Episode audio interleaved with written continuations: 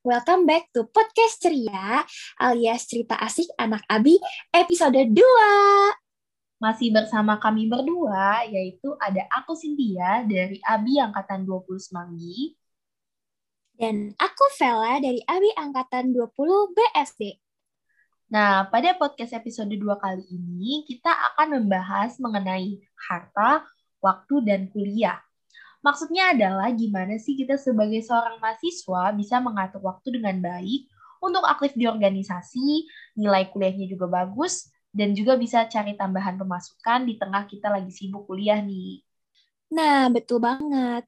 Kali ini kita juga bakalan kedatangan bintang tamu lagi nih. Dan bintang tamu kali ini cukup keren karena dia tuh aktif banget dalam berorganisasi, terus dia juga punya bisnis gitu. Dan semuanya dia lakukan bersamaan dengan waktu kuliah. Nah, oke deh, daripada kalian semua pada bertanya-tanya dan penasaran nih, langsung aja kita panggil Ci Jennifer. Halo, halo. Perkenalin, aku Jennifer Angelia Lowell dari mahasiswa ABI Angkatan 2019. Salam kenal ya. Halo Cici Jenny. Oke deh, tanpa lama-lama lagi, kita mulai aja yuk ngobrol-ngobrolnya. Tunggu dulu sih, kita kan lupa kasih tau info penting nih. Hah, emang ada info penting apa sih, Vel? Nah, jadi di episode 2 kali ini kita juga bakalan bagi-bagi voucher OVO lagi nih. Caranya masih sama kayak waktu di episode 1. Nanti di akhir durasi, aku dan Cynthia bakalan kasih satu pertanyaan buat kalian. Nah, nanti kalian tinggal jawab pertanyaannya dan tag Instagram bisnis UAJ dan juga Himabi underscore UAJ. Kita akan pilih satu orang dengan jawaban paling menarik dan story yang paling kreatif. Wah, jangan lupa ikutan ya teman-teman. Oke deh, tanpa lama-lama lagi, aku mau langsung ngobrol aja nih dan mulai tanya-tanya ke Cijeni. Cijen, aku sih penasaran ya, Cijen sekarang kesibukannya lagi ngapain ya? Mungkin bisa sharing sedikit buat para pendengar kita? Oke, kalau untuk sekarang kesibukan aku itu uh, organisasi karena kuliah kan masih libur. Cuman nanti begitu kuliah udah masuk, pastinya kesibukan utama aku itu kuliah. Setelah itu organisasi, baru uh, bisnis aku sendiri gitu. Wah, Cici ada bisnis ya? Boleh kali ya di-sharing sedikit nih, Cici ada bisnis apa ya? Oh, boleh, boleh, boleh. Jadi, awal pandemi COVID-19 itu kan tahun 2020. Nah, saat itu kan kegiatan aku yang dari offline berubah semua jadi online. Mulai dari kuliah sama kegiatan di luar kampus itu mulai jadi online. Nah, karena aku ngerasa bosen banget nih kalau misalkan cuman abis kuliah, gak ada kegiatan lain, akhirnya uh, di waktu senggang yang aku punya, aku mulai iseng-iseng coba untuk masak-masak, untuk baking, dan aku cobain segala resep yang aku rasa, oh, aku bisa nih buatnya, kenapa sih yang nggak aku coba? Dan akhirnya dari apa yang aku coba-coba itu aku mulai bikin terus aku bagiin ke orang-orang maupun or, uh, orang rumah maupun saudara atau teman yang tempat tinggalnya nggak jauh dari aku itu aku kasih coba. Nah beberapa kali aku baking aku masak dan kasih tester ke mereka mereka mulai kasih input sama review yang positif nih ke aku. Dan menurut aku itu uh, sesuatu hal yang lumayan memuaskan. Nah dari situlah akhirnya aku mulai mikir dan mau coba untuk ngisi waktu luang aku dengan buka small business. Wah, produktif banget ya cara mengisi kesibukannya dengan uh, baking, iseng-iseng jadi menghasilkan uang. Kalau Vela gimana sih? COVID kemarin lu ngapain aja, Vel?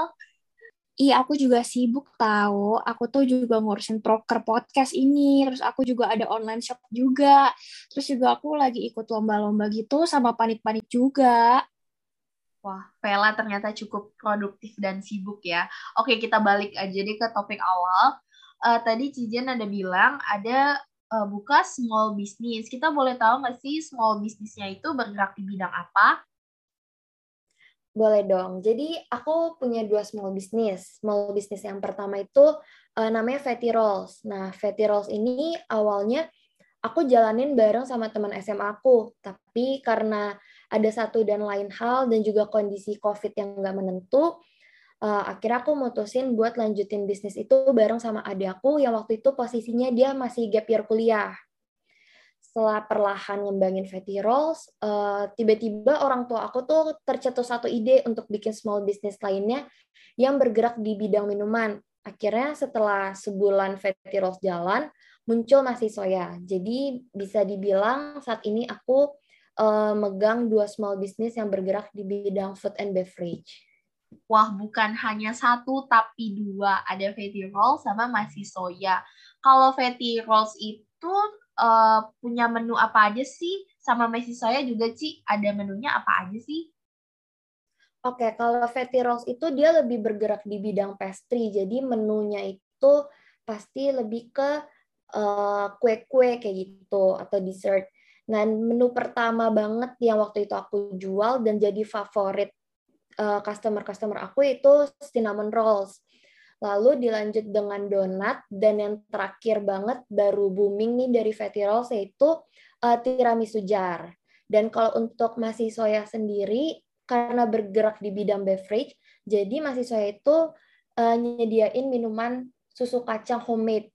Di sini kenapa ada kata-kata homemade? Karena biasanya kan kalau di luaran itu kita nggak tahu ya bikinnya kayak gimana, higienis atau enggak. Jadi kalau untuk mahasiswa tersendiri, dia emang punya uh, uh, punya branding yang nekenin kalau produknya itu homemade. Jadi emang customer aku udah percaya kalau misalkan mahasiswa itu dibuat secara higienis dan juga homemade kayak gitu. Wah seru banget ya kita makannya fatty rolls, minumnya masih soya. Kalau tadi Cici bilang bisnis ini dimulai tahun 2020 ya Ci. Kalau boleh tahu udah berapa lama ya Cici jalan bisnis ini? Terus ada nggak sih kendala-kendala yang dilalui gitu selama menjalani bisnis ini? kalau de, kedua bisnis ini sih aku jalanin uh, bersamaan itu mulai dari tahun 2020. Jadi selama enam bulan full di tahun 2020, bulan pertama kali mulai itu Juni dan full sampai akhir 2020 itu aku jalanin bersamaan. Tapi ketika masuk di tahun 2021, ternyata aku kekurangan bantuan untuk ngerjain uh, masih soya sama fatty rolls. Jadi mau nggak mau aku harus berhenti produksi soya yang saat itu dia lebih butuh uh, pekerja yang lebih banyak. Jadi karena hal tersebut aku milih untuk berhenti produksi soya dan fokus di fatty rolls. Ya seperti kebanyakan bisnis lainnya ya kayak ada ups and downs-nya. Cuman ya di sini aku lebih nekunin apa yang aku suka dan aku sanggupi Uh, karena untuk sekarang aku nggak melulu soal money oriented, tapi aku juga mau bikin sesuatu yang orang lain itu bisa nikmati. Wah sayang banget ya masih soyanya udah berhenti produksi karena homemade ya Ci ya, jadi ya lebih banyak gitu ya eh, hal-hal uh, iya. yang harus diberikan untuk masih soya. Cocok banget nih iya. kayaknya ngemil fatty rolls terus minumnya masih soya. Oke, okay. Kalau misalnya tadi udah cerita-cerita soal bisnis, aku boleh tahu Cici sekarang ada kesibukan organisasi apa ya? Oke, selama aku jadi uh, mahasiswa ABI, uh, aku itu ikut organisasi Himabi atau yang biasa disebut Himpunan Mahasiswa Administrasi Bisnis. Nah, jadi untuk sekarang aku uh, udah masuk di periode kedua Himabi, di mana periode pertama itu kan tahun 2020 sampai 2021, aku jabat sebagai staff entrepreneurship bareng sama tiga orang teman aku lainnya. Lalu di masuk ke periode dua ini, aku menjabat sebagai wakil ketua Himabi. Nah, tapi uh, ada something excited yang aku dapetin di periode kedua ini. Jadi, aku mendapat kesempatan untuk bisa join di uh, pengurus pusat IMABI. Jadi uh, pengurus pusat IMABI ini adalah pengurus pusat Ikatan Mahasiswa Administrasi Bisnis se-Indonesia yang menaungi himpunan-himpunan mahasiswa administrasi bisnis di Indonesia. Wah keren banget nih Cijan udah ikut Himabi Atma Jaya, nambah lagi ikut PP Imabi se-Indonesia. Eh ya aku agak kepo sih, awalnya Cici itu ikut organisasi itu diajak kah sama temen atau emang pengen pengen banget nih aktif organisasi sama aku agak kepo juga sih soal gambaran kerja di PPI Mabi itu kayak gimana yang ngurusin bener-bener seluruh Indonesia. Oke, kalau ditanya uh, siap, diajak siapa atau pengen sendiri, Jujur ini pertama kali ditawarinnya sama Pak Ramadi untuk bisa masuk ke PPI Mabi. Dan akhirnya aku terima tawarannya, aku daftar, terus lewatin progresnya kayak wawancara sama pengurusnya, terus uh, nunggu hasilnya, dan akhirnya ternyata aku dipercayakan untuk bisa jadi salah satu pengurus. Kalau di PPI Mabi itu, uh, kita fokus untuk di bagian pusatnya, tapi kita juga tetap ada dibagi lagi untuk fokus ke pengurus per wilayah. Dan untuk info aja nih, kalau Himabi itu masuk di wilayah 2. Dan untuk di PP Imabi sendiri, aku berkesempatan dan dipercayakan untuk jadi staff business and entrepreneurship. Nah, di divisi itu dibagi lagi jadi dua bagian pekerjaan, yaitu administrative clerk sama product management dan aku kepilih untuk ada di administrative clerk dan kerjasama juga bareng dua orang teman lainnya dari Universitas Pasudan Bandung. Wah keren banget ditawarinnya sama Pak Ramadi ya dosen kita ya buat masuk PPI Mabi. Tadi Cici itu uh, berarti di divisi administrative clerk. Boleh nggak sih Cici di spill itu job desk-nya ngapain? Boleh, boleh, boleh. Jadi di divisi administrative clerk, administrative clerk itu untuk sekarang proker yang bakal dijalanin adalah branding bisnis. Jadi kita eh, terutama dari divisi aku eh, ngebakal ngebantuin small business untuk develop dan dikenal masyarakat luas. Nah, di sini buat kalian yang punya bisnis dan mau bantu di branding, boleh langsung daftar aja nih ke bio Instagramnya at ppimabi. Wah, Vel, dirimu punya bisnis gak, Vel? Boleh di kepo-kepoin IG-nya @ppimabi. Wah, boleh deh kapan-kapan ya. Aku kontak-kontak nih ya. Wah, keren banget nih Cijen. Udah kayak berusaha membuat bisnis di tengah pandemi COVID, terus juga masih aktif dalam organisasi di Himabi dan juga Imabi. Nah, tapi nih Ci, aku tuh penasaran nih, dari semua hal yang udah Cici ceritain di atas, mulai dari pengalaman Cici merancang dan melakukan bisnis, dan ikut berbagai organisasi nih, kira-kira apa yang latar belakangi Cici untuk memilih melakukan kegiatan tersebut di tengah kesibukan uh, kuliah Cici nih? Nah, jadi hal yang melatar belakangi aku untuk ikut aktif uh, dalam organisasi itu awalnya karena ada dorongan dari kakak tingkat dan juga teman-teman lain untuk ikut coba dalam organisasi maupun panitia cabutan.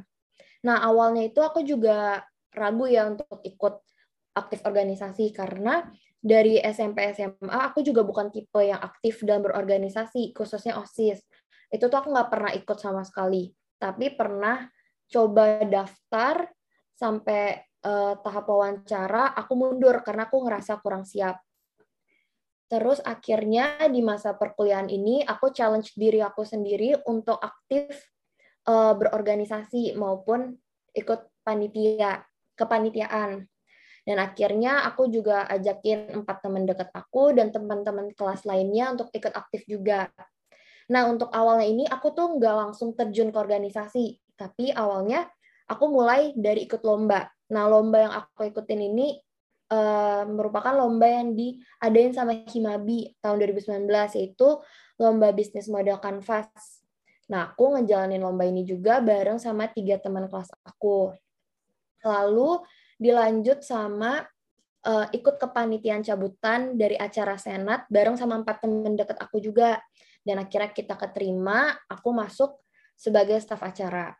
Setelah itu uh, mulai kan karena COVID, uh, semua organisasi kepanitiaan jadi online akhirnya aku mutusin dan memberanikan diri aku untuk daftar masuk ke Himabi. Wah, relate banget nih Ci sama aku, karena aku juga kayak gitu nih Ci. Aku cerita sedikit ya, pas SMP sama SMA aku juga jarang ikut kegiatan-kegiatan gitu, karena aku udah belasan tahun gitu kan sekolah di sekolah yang sama. Jadi kayak udah berada di zona nyaman gitu istilahnya. Paling cuma jadi panitia-panitia acara sekolah aja.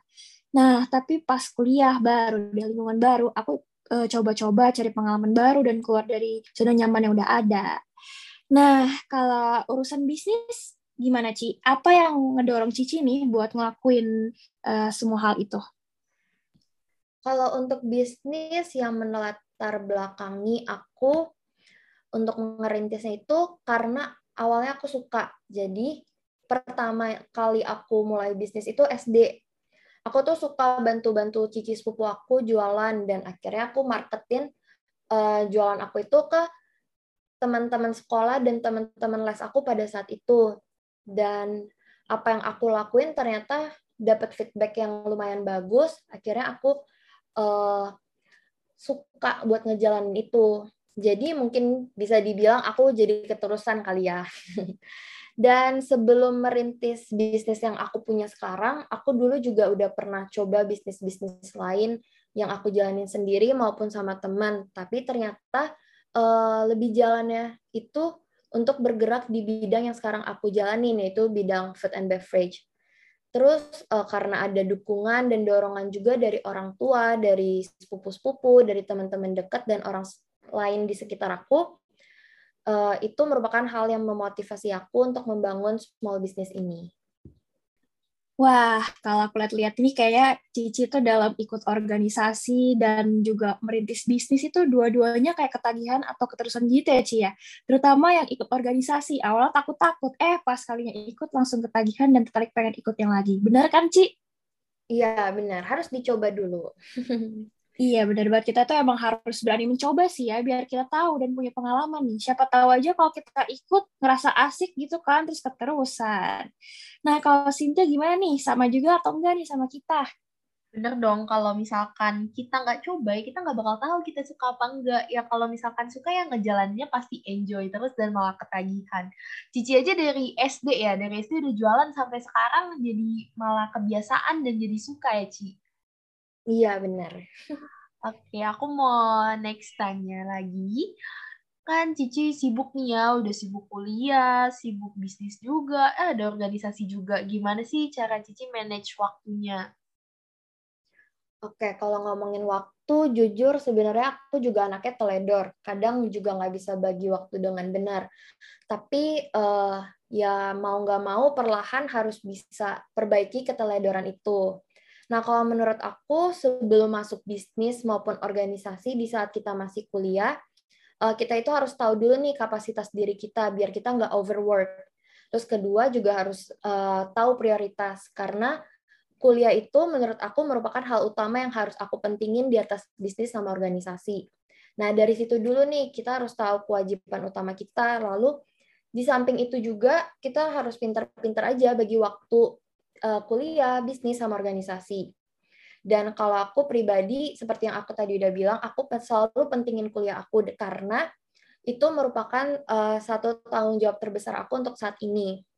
Jadi kalau untuk uh, bagi waktu yang lainnya, itu aku mulai belajar bagi waktu uh, nyelesain tugas dan juga uh, nyelesain tugas-tugas organisasi maupun bisnis aku. Nah, kalau untuk bagi waktu ngerjain tugas itu, aku tuh uh, lebih milih cicil langsung. Jadi begitu udah dapet tugasnya, aku langsung kerjain di misalkan tugasnya dikasih siang, sore atau malam aku ada waktu luang, aku udah mulai nyicil. Dan kalau di kelas juga nih, aku selalu nyatet materi pembelajaran hari itu karena menurut aku dari dari nyicil tugas sama selalu catat materi pembelajaran itu merupakan hal yang efektif biar aku nggak keteteran dalam perkuliahan. Bener banget, kita harus belajar ya gimana caranya bisa lebih prioritasin yang lebih penting. Kalau tadi Cici udah prioritasin kuliah, kalau ada dua lagi nih, ada bisnis sama organisasi, Cici lebih prioritasin yang mana, yo? Jujur aku pasti lebih uh, prioritasin bisnis karena bisnis ini kan buat aku merupakan hal yang jangka panjang ya. Tapi ya balik lagi aku tetap harus tahu tahu tanggung jawab aku dan komitmen aku untuk tetap ngejalanin segala tugas aku dalam organisasi. Eh, sebelumnya aku setuju nih sama Cijen kalau disuruh pilih mau punya bisnis apa organisasi, pasti aku pilih juga pilih bisnis karena aku juga punya bisnis kan. Dan ya emang karena bisnis juga kita dapat cuan secara kantong pribadi nggak sih, Ci? Iya, benar. Tapi ya semuanya kan harus ada komitmen juga. Kalau dari awal udah ikut organisasi ya harus emang bertanggung jawab dan pinter-pinter bagi waktu ya. Nah, kalau untuk bagi waktu sendiri nih, Cici sama organisasi, terus sama kuliah, sama bisnis nih, biasanya hal apa aja sih yang Cici lakuin biar nggak keteteran dalam ngerjain tanggung jawab organisasi? Oke, jadi untuk organisasi itu aku pasti uh, kerjain setelah kegiatan kuliah selesai. Nah, karena di organisasi aku ini nggak terlalu di membuat aku merasa ditempa untuk memprioritaskan organisasi, jadi aku lebih ngejalaninnya lebih fleksibel. Tapi ya balik lagi kita juga tetap harus sadar diri dan sadar akan tanggung jawab dan komitmen uh, yang kita dapat dari organisasi itu.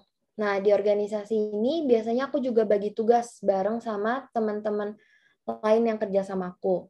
Terus waktu aku jadi ketua acara juga di situ aku benar-benar uh, ngelis uh, apa yang harus aku kerjain maupun ketua divisi atau anak-anaknya kerjain dan itu bakal aku share tuh ke ketua divisi ke anak-anaknya jadi mereka juga punya list yang um, bener-bener uh, apa yang harus mereka kerjain tuh udah di list itu dan selanjutnya sebenarnya ngikutin alurnya aja sih kalau untuk rapat-rapat gitu kebanyakan juga dilakuinnya di luar jam kampus dan biasanya udah ditentuin dari jauh-jauh hari.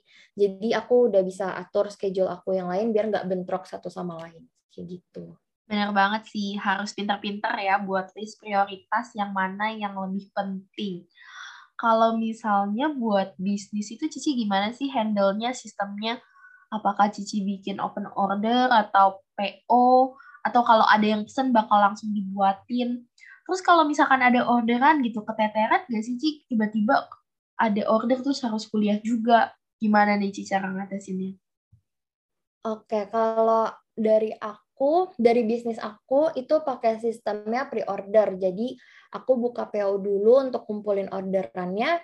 Lalu di waktu yang aku udah tentuin itu baru aku mulai kerjain orderannya. Jadi kalau ditanya keteteran atau enggak, enggak karena aku udah sediain waktu untuk ya waktu khusus untuk ngerjain bisnis aku itu.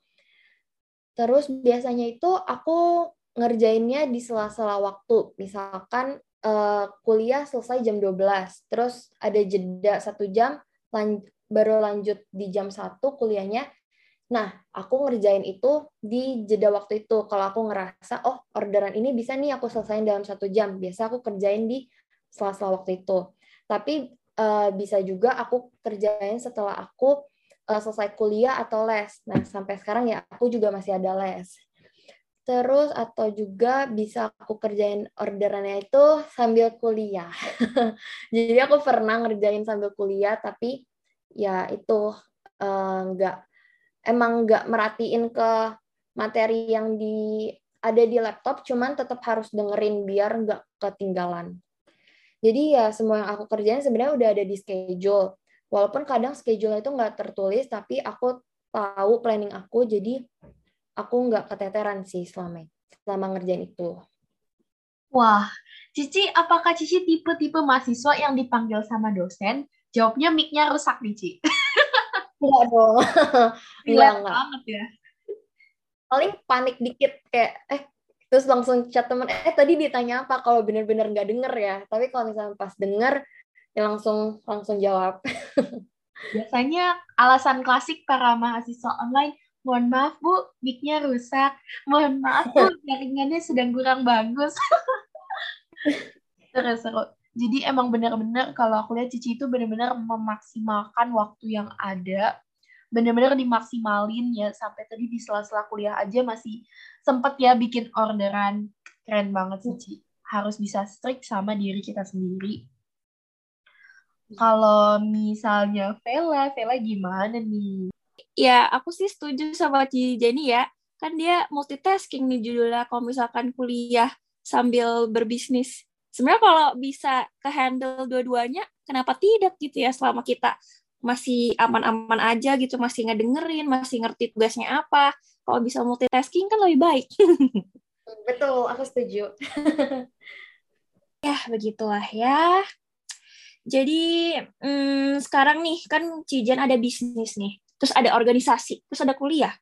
Nah, aku tuh penasaran nih, kan dalam Cici menjalani semua kegiatan ini, pasti Cici melewati berbagai jenis pengalaman yang berbeda-beda nih. pastinya ada kayak perasaan-perasaan tertentu nih. Mungkin ada seneng, mungkin sedih, mungkin bingung, mungkin bla bla bla. Nah, kira-kira nih, bagaimana sih suka dan duka Cici dalam menjalani berbagai kegiatan tersebut? Terus kalau boleh tahu nih, lebih banyak sukanya apa dukanya nih, Ci? Oke, kalau oke, aku mulai dari mulai dari sukanya, suka dukanya waktu kuliah ya. Nah, kalau sukanya itu, aku lebih suka waktu kuliah offline, karena aku masih bisa ketemu teman-teman, masih bisa ketemu dosen secara langsung. Terus bisa belajar bareng, bisa nugas bareng di kafe, maupun di kos teman-teman deket aku. Nah, kalau dukanya itu dalam perkuliahan, ya lebih karena online ini. Nah, biasa yang tugasnya nggak terlalu banyak, tiba-tiba jadi lebih banyak terus jadi nggak bisa ketemu teman-teman, nggak bisa ketemu dosen, dan juga nggak bisa ketemu teman dekat karena uh, teman-teman dekat aku itu semuanya tinggal di luar Jakarta. Kalau suka duka dalam organisasi itu, uh, pertama aku bisa ketemu teman-teman baru, terus bisa uh, coba berbagai kesempatan baru, terus bisa belajar kerja sama-sama orang lain, dan banyak hal juga aku pelajarin dari ikut organisasi untuk dukanya dalam organisasi ya kadang di saat kita mau punya waktu luang, eh malah masih ada urusan organisasi yang harus dikerjain dan dikelarin juga. Terus ada saat di mana kita lagi libur kuliah tapi tetap mikirin acara, tetap mikirin rapat progres, dan masih ngejalanin uh, tanggung jawab kita dalam organisasi tersebut. Terus kalau yang terakhir suka duka dalam berbisnis. Kalau sukanya itu uh, aku bisa nerapin apa yang aku pelajarin dari uh, kuliah dalam aku ngebangun bisnis yang aku jalanin sekarang. Dan aku juga ngejalanin bisnis aku dengan didasari rasa happy, jadi aku nikmatin aja prosesnya. Kalau untuk dukanya ya paling nggak jauh-jauh dari kata capek sama pusing. Kalau capek itu kadang lebih ke. Kalau misalkan moodnya lagi jelek itu juga pasti pengaruhi kerjaan aku sendiri. Terus kalau pusing itu biasanya karena uh, misalkan aku lagi brainstorm nih kayak apa sih yang aku bisa lakuin untuk uh, develop small business aku ini. Terus kayak misalkan udah mikirin mateng-mateng uh, hal ini pas dijalanin ternyata kurang memuaskan hasilnya. Jadi ya lebih uh, kepikiran aja.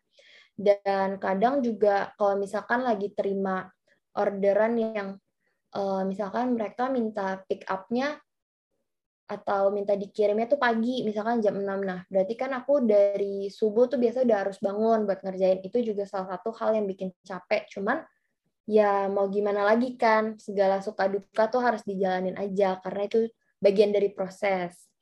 Terus kalau ditanya uh, lebih suka atau duka, hmm, bisa dibilang suka sih karena aku nikmatin aja apa yang aku kerjain. Cuman kalau dibilang ada nggak dukanya, pasti ada dukanya. Cuman ya dukanya nggak terlalu aku masukin ke hati. Kadang emang manusia kan nggak bisa lepas ya dari yang namanya ngeluh. Tapi ya walaupun sempat ngeluh-ngeluh, kerjanya pasti tetap kelar. Kayak gitu. Wah, benar-benar, Ci. Lumayan relate sih sama kita. Tapi ada satu nih yang benar-benar kita tuh gak relate sama sekali. Terutama aku sama Cynthia yang angkatan 20 nih.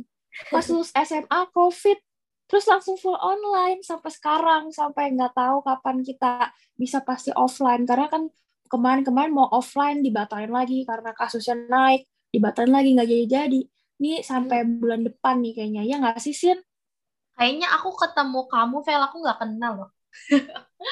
cuma suaranya aja gitu kan. Kelas online pun cuma denger suaranya aja pada off cam. Aku ketemu lewat gitu di depan mungkin aku nggak kenal. Ini Vela gitu. Aku iya. tadi ada notice something. Jadi ada empat orang temennya boleh disebutin mungkin kan biar mereka seneng gitu pas lagi denger oh my god nama aku disebut aku dianggap bestie gitu. Mungkin mau sambil promote IG-nya juga boleh Ci Oke, jadi di perkuliahan ini aku dekat sama empat teman aku, cewek semua. Walaupun ada beberapa yang cowok, tapi yang emang paling dekat empat cewek ini. Jadi kita itu satu grup namanya Diabetes. Kita ini berlima sama aku. Empat orang ini itu ada Tania. Ini sekalian IG-nya ya?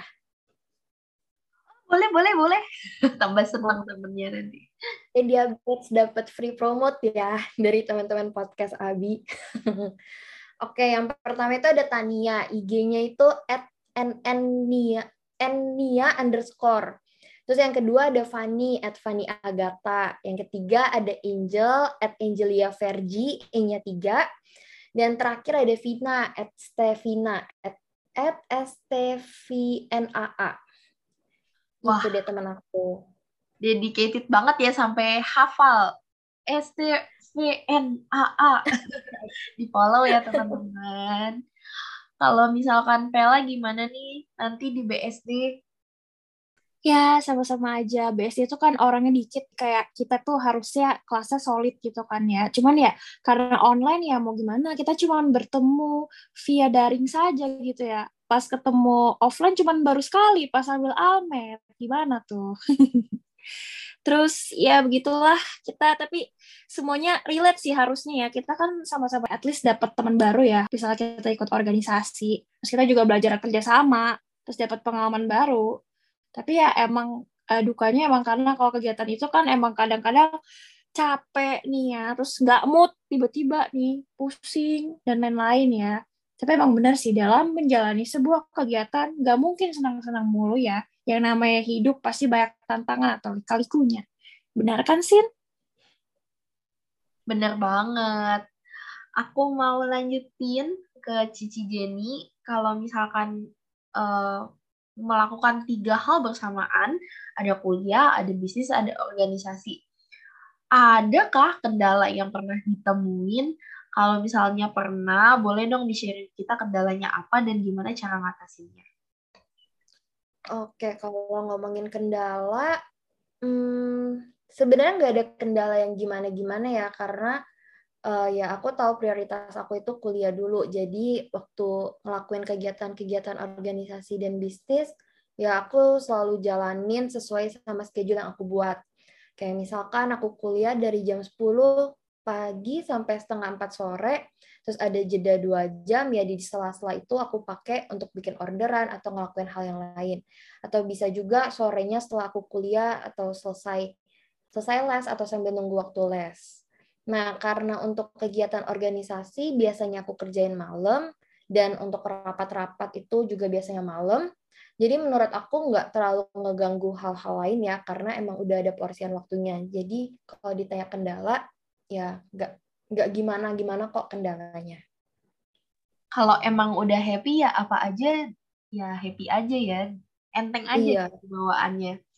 Karena emang suka gitu. Mulai dari kuliahnya, bisnis dan organisasi. Jadi jangan eh, pusing-pusing-pusing uh, ntar malah jadi pusing beneran. Gimana nih, Vel? Ya, mirip-mirip lah ya. Pokoknya semuanya tuh emang harus balance gitu ya. Jadi kayak biar semuanya seimbang dan semuanya bisa mendapatkan jatah untuk uh, difokuskan gitu ya. nah, karena Cici udah cerita-cerita nih dan kita juga udah ngedengerin cerita Cici Jenny plus dapat banyak insight yang menarik dan pengalaman-pengalaman Cici. Uh, boleh nggak nih Cici bagi-bagi ke kita nih tentang tips and trick Cici untuk kita-kita yang mungkin masih takut atau ragu untuk aktif berpartisipasi dalam berorganisasi di kampus uh, dan atau mungkin mulai untuk merancang bisnis nih. Gimana nih, Ci? Oke, oke, aku mulai dari tips dulu kali ya. Kalau tips dari aku itu yang pertama, kalian harus yakinin diri kalian untuk bisa megang tanggung jawab lebih dan tahu yang mana prioritas kalian. Nah, kalau di saat lagi kuliah kayak gini, berarti kan prioritas utama kita ya pasti kuliah. Organisasi itu bisa disebut kegiatan tambahan yang menjadi nilai plus dan ngebantu diri kita untuk bertumbuh jadi uh, punya hal-hal baru dan insight-insight baru yang bisa kita dapetin. Nah, kita juga sebagai orang itu harus bisa mau untuk aktif dalam suatu kegiatan dan mau untuk mencoba hal yang baru. Nah, kalau buat ngerancang bisnis itu sebenarnya dari saat kalian mau, kalian tuh udah bisa mulai ngerancang dan jalanin itu. Tapi aku lebih tekenin kalau misalkan mau ngerancang atau uh, mulai bisnis itu harus sesuai dengan minat sama passion kalian. Jadi di saat kalian itu ngejalanin, ya ngejalaninnya sepenuh hati, nggak bakal jadi beban yang malah bisa ngebuat kalian keteteran. Kalau triknya, hmm, dari aku sih ya pertama harus tahu prioritas Kedua, harus pinter bagi waktu dan gunain waktu yang ada untuk ngerjain hal-hal yang bisa dikerjain. Terus ketiga, juga harus tahu porsian waktu kalian ketika ngerjain tugas kuliah, organisasi, maupun bisnis. Tapi ada satu hal terpenting itu, uh, jangan lupa untuk me time dan bersosialisasi sama orang lain, kayak misalkan teman-teman atau keluarga. Karena uh, di luar kesibukan dari tiga hal itu, kita juga perlu waktu sendiri, waktu bersosialisasi, karena jangan sampai uh, kita mumet karena berkutik dengan tiga hal itu aja. Kayak gitu kalau dari aku. Wah, menarik bingit nih ya. Wajib banget nih guys dengerin dan jadi intervensi buat diri kita masing-masing. Pokoknya nih yang terpenting nih kita tuh harus ukur diri kita mampu nggak nih kita bertanggung jawab? Bisa enjoy nggak nih kita waktu ikut organisasi waktu ikut kegiatan kita? Uh, waktu kita menjalaninya gimana? Dan yang terpenting nih kata Cijen ini kalau ngelakuin apa-apa tuh jangan terlalu terforsir dan harus ada istirahatnya. Tidur juga harus cukup dan juga refreshing. Seperti yang tadi Cijen bilang salah satunya adalah me time jalan-jalan sendiri menyenangkan diri sendiri dan untuk triknya juga memang yang paling penting kita harus tahu kan ya, prioritas yang paling penting nih apa. Bener gak nih, Sin? Setuju gak nih sama kita nih, Sin? Banget, emang prioritas itulah yang paling penting. Aduh, kayaknya untuk tips dan triknya itu jadi sesi penutup sharing kita kali ini. Dan karena sesi sharingnya sudah selesai, sesuai janji kita di awal, aku sama Vela bakal bagi-bagi saldo OVO dengan cara kasih pertanyaan buat teman-teman pendengar podcast kita nih. Apa nih pertanyaannya, Vel?